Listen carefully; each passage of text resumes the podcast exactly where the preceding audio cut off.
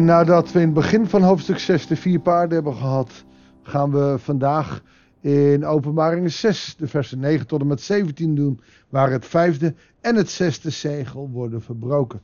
Goeiedag, hartelijk welkom bij een nieuwe uitzending van het Bijbels Dagboek. Toen het lam, en dan wordt er heel expliciet gezegd dat het lam dus de zegels verbreekt van de boekrol, uh, ook het vijfde zegel verbrak, zag ik aan de voet van het altaar de zielen van degenen die geslacht waren omdat ze over God hadden gesproken en vanwege hun getuigenis. Wie zijn dat? Uh, het klinkt wat hè, als martelaar. De martelaren. Uh, maar wie worden daar dan mee bedoeld? Ik word niet geslacht. Ik word hooguit uitgelachen. Maar ik probeer wel uit te komen voor mijn geloof. Hier worden duidelijk mensen aangetoond die gekweld zijn omdat ze voor hun geloof uitkwamen. En dat zal voor de meesten niet gelden. Toch moet je niet onderschatten dat dit nog wel kan gaan komen. Dat op een of andere manier ook wij in die verdrukking zullen komen. En als ware uh, martelaar zullen zijn. Dan gaat het er niet eens om wie daar zijn, in dit geval de, de martelaren, maar er gebeurt wat. Ze riepen luid. Dat betekent dus dat ze uh, communiceren. Je hebt het hier over de martelaren die gedood zijn en in de hemel zijn. Die roepen luid. Dat betekent dus dat je in een soort van levende stadia zal zijn.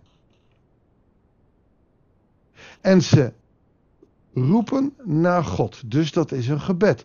Dus wat je hieruit kan concluderen als je dit zo neemt, is dat als we straks overlijden en naar de hemel gaan, dat we dan niet op een wolkje zitten en lekker chillen wachten tot de nieuwe hemel en de nieuwe aarde komt.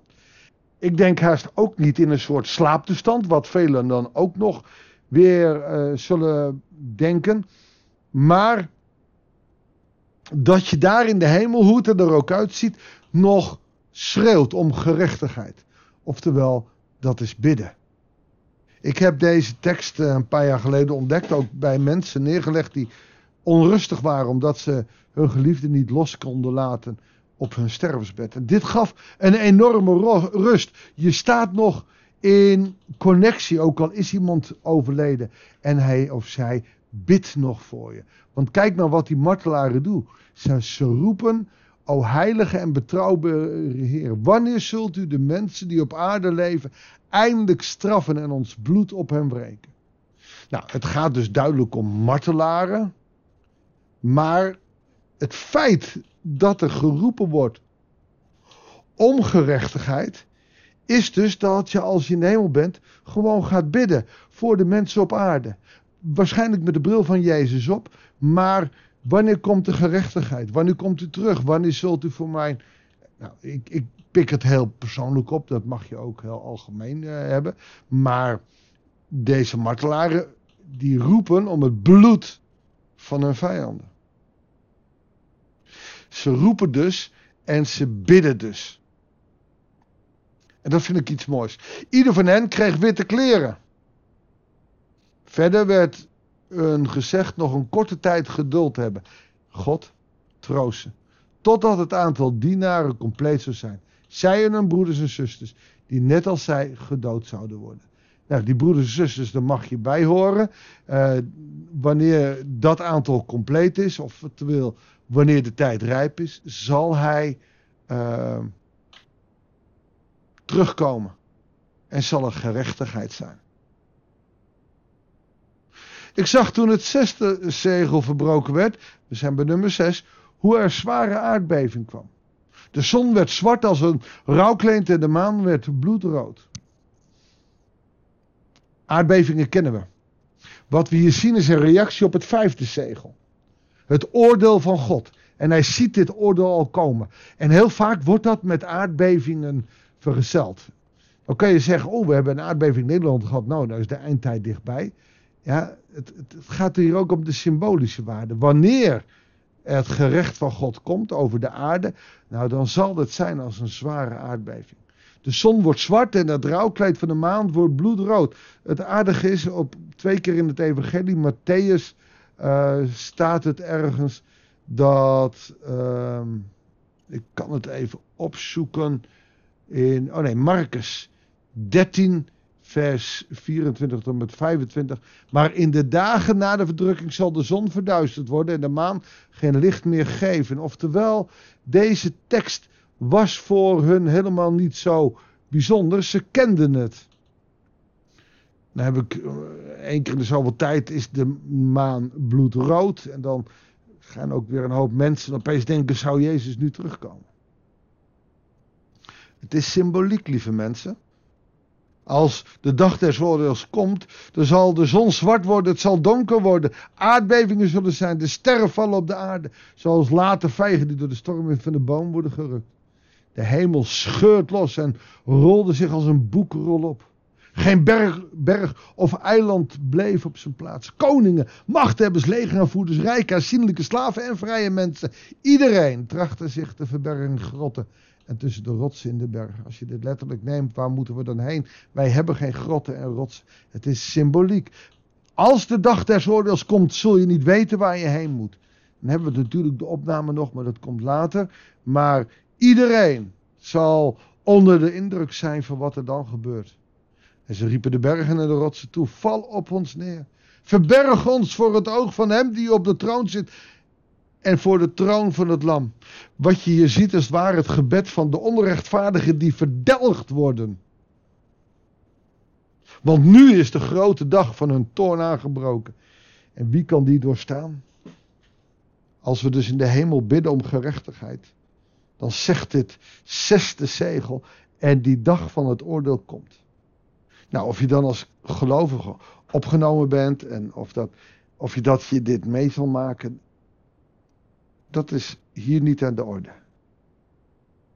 Maar het is wel zo dat God zegt: hey, die dag des oordeels komt. Tegenwoordig vragen we wel eens: ja, uh, ja ik mag dan uh, niet oordelen, uh, want het is God die oordeelt. Hij moet recht spreken.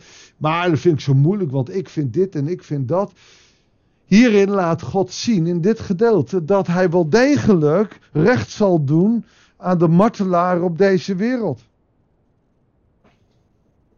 En ze zullen tegen de bergen zeggen: Val op ons, verberg ons voor de toorn van de Hemelse Vader. En hier zie je dus dat er gerechtigheid komt over een ieder waarvan jij denkt: er moet gerechtigheid over en uit worden gesproken. Maar God moet onze breker zijn, niet wij. God bepaalt over wie hij oordeelt, niet wij. Wat ik bemoedigend vind, is dat als hij zegt: Oké, heb nog een poosje geduld. En hij zegt: Maar het komt wel, dit oordeel komt wel. Gerechtigheid zal er zijn. Tegenwoordig denken we wel eens: Ach, het gras is groener bij de niet-gelovigen. En wat hebben we eraan allemaal? Toch zal het duidelijk worden dat Gods gerechtigheid zal komen. Dus dit is niet eens alleen maar een angstig iets. Het is ook nog eens bemoedigend. God zal recht spreken. De martelaren die dan opgenomen zijn als zij, hun broeders en zusters, die net als zij gedood zouden worden, als die in de hemel zijn, dan zal hij recht spreken over degene die overblijven, de onrechtvaardigen. Zullen we bidden, Heere God, we willen u bidden of u iedereen die wij kennen, wil nieuwsgierig maken naar het evangelie, want we kennen nog zoveel mensen die niet geloven. En aan ons ook de taak om hen te vertellen van uw liefde, van uw genade, maar soms lukt ons dat niet. Heer, en eigenlijk zouden we willen bidden of die dag des oordeels snel kan komen, zodat de ellende op deze aarde over is en dat we naar die nieuwe hemel en die nieuwe aarde kunnen gaan. En, en we bidden daarvoor, maar ondertussen zijn er ook nog genoeg mensen die we moeten gaan bereiken. Wil ons zegenen en ons het lef geven om voor deze mensen dan ook te bidden, maar ook hen aan te spreken. We denken aan onze kinderen. Of aan onze ouders, aan vrienden, broers en zussen, aan buren. Mensen die we kennen, die niet in u geloven. En het zijn er genoeg in ons land, Heere God. Als uw dag van oordeel komt, zullen zoveel sterven. Heer, en ik wil u bidden, wilt u al die niet-gelovigen nieuwsgierig maken? Gebruik ons dan maar, ook alle andere luisteraars van de podcast, om, om van uw liefde te vertellen. Zodat op die dag des oordeels zij niet hoeven te verstoppen in de gerotten en de holen. Maar dat ze bij uw genade mogen horen. Heer, dat bid ik u. In Jezus' naam. Amen. Dankjewel voor het luisteren. Ik wens je God zegen en heel graag tot de volgende uitzending van het Bijbelsdagboek.